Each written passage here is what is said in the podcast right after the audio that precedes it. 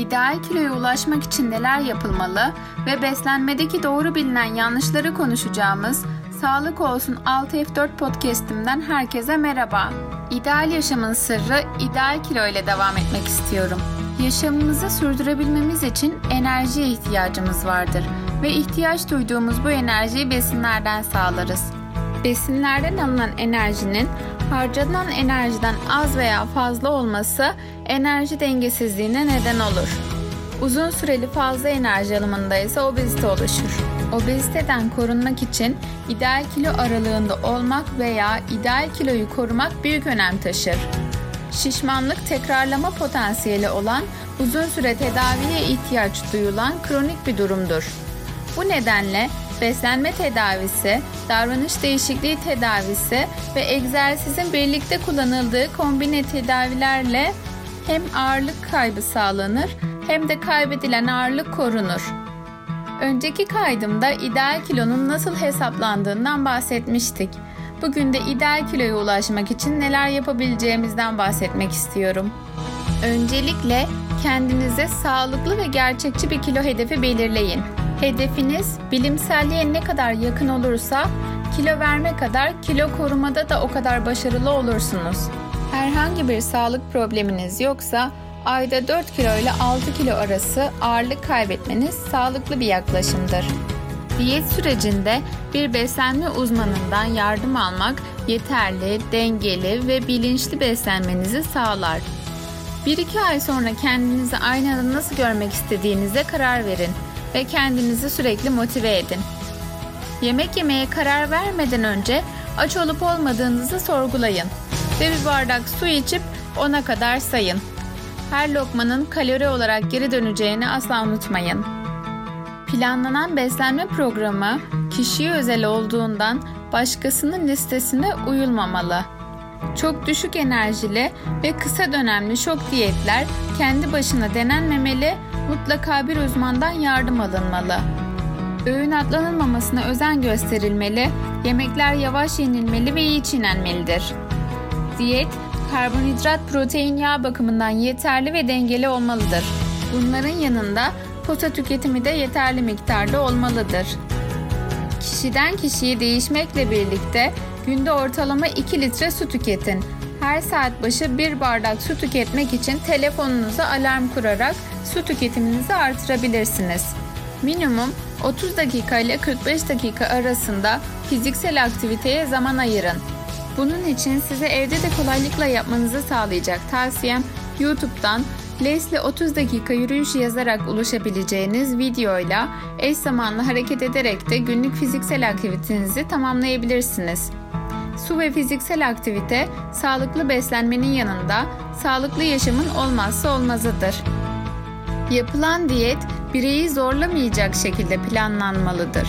Haftada yalnızca bir kere tartılmalı, asla öğün atlanmamalı ve güne başlarken mutlaka kahvaltıyla başlanmalı. Paketli ürünlerden şeker, şekerli tatlılar, hamur işleri, alkollü içecekler, margarin, tereyağı, çok tuzlu besinler, kızartma, kavurma ve içeriği bilinmeyen hazır besinlerden uzak durulmalı. Alışverişe çıkmadan önce mutlaka kendinize alışveriş listesi yapın ve listenin dışındaki ve gereken şeyleri almayın. Yiyecek alışverişine asla karnınız açken çıkmayın. Gün boyu tükettiğiniz besinleri ve yaptığınız fiziksel aktiviteleri yazdığınız bir günlük hem menü planlamada diyetisyeninize yardımcı olacak hem de yaptığınız diyet hatalarını daha kolay saptamanızı sağlayacaktır. Önemli olan tartıda gördüğünüz sayı değil, kilonun kastan mı, yağdan mı yoksa vücut suyundan mı verildiğidir. Sağlıklı beslenmeyi yaşam tarzı haline getirirsek yapılan diyet sadece bir görev olmaktan çıkar ve alışkanlık haline gelerek sağlıklı kilonuzu korumanız daha kolay olur. Vücut ağırlığınız ideal aralıkta ise kendinizi daha zinde ve dinamik hissedersiniz. Tip 2 diyabet, polikistik over, uyku apnesi, kardiyovasküler hastalıklar, hiperlipidemi, hipertansiyon gibi hastalıklara yakalanma riskiniz daha düşüktür. Vücut ağırlığınız olması gerekenden az veya fazla ise hastalıklara yakalanma riskiniz daha yüksektir. İdeal kilodaysanız öğrenme ve konsantrasyonda zorluk çekmezsiniz. Kilo yaşam kalitesi ve süresinde de büyük önem taşımaktadır. İdeal kiloya ulaşma arzusu bireylere spor ve sağlıklı beslenme alışkanlığı da kazandırmaktadır. Vücut ağırlığınız olması gerekenden az veya fazlaysa çok sık halsizlik, yorgunluk, baş ağrısı, kabızlık, unutkanlık, konsantrasyon güçlüğü gibi şikayetler yaşayabilirsiniz. İdeal ağırlığa ulaşmak amacıyla kilo artışının ya da azalışının hızlı olması sağlıklı değildir. Gelelim beslenmedeki doğru bilinen yanlışlara. Zeytinyağı gerçekten kilo aldırmaz mı? Aslında bakarsak zeytinyağı kalorik açıdan diğer yağlardan farksızdır. Yani yağın zeytinyağı ya da başka bir yağ çeşidi olmasının kalori bakımından pek bir önemi yoktur. Bu yüzden gereğinden fazla tüketilmesi kilo olarak geri döner. Peki siz de açken limonlu su içmenin yağları eriteceğini düşünenlerden misiniz? Bir kaşık sıvı yağ veya tereyağın içerisine sıktığımız limon nasıl yağı eritmiyorsa içtiğimiz limonlu suyun da yağımızı eritmesini bekleyemeyiz. Sıcak su soğuk suya göre mideyi daha geç terk eder. Dolayısıyla geçici bir tokluk sağlar.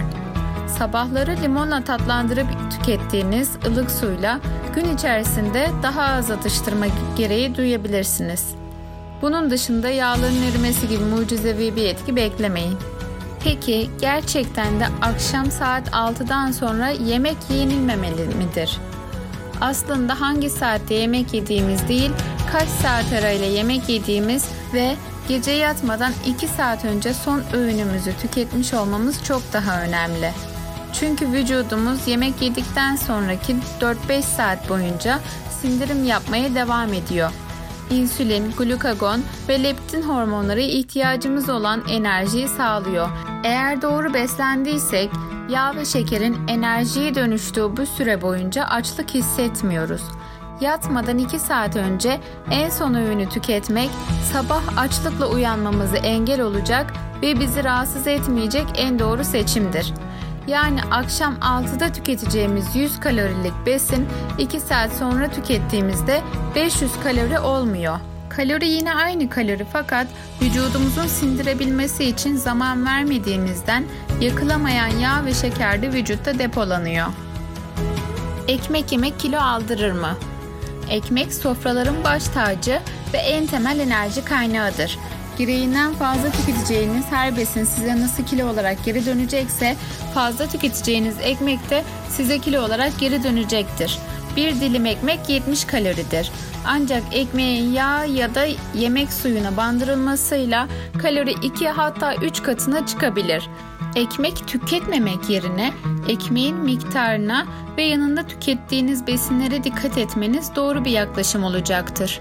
Bir de ekmek tüketmiyorum deyip farkında olmadan pilav, makarna, çorba, yulaf, galeta, patates gibi ekmek yerine geçen besinleri daha fazla kaloriyle tüketiyor olabilirsiniz. Ekmek mutlaka öğünlerde yer almalı, aksi takdirde yeterli posayı vücudumuza alamayız.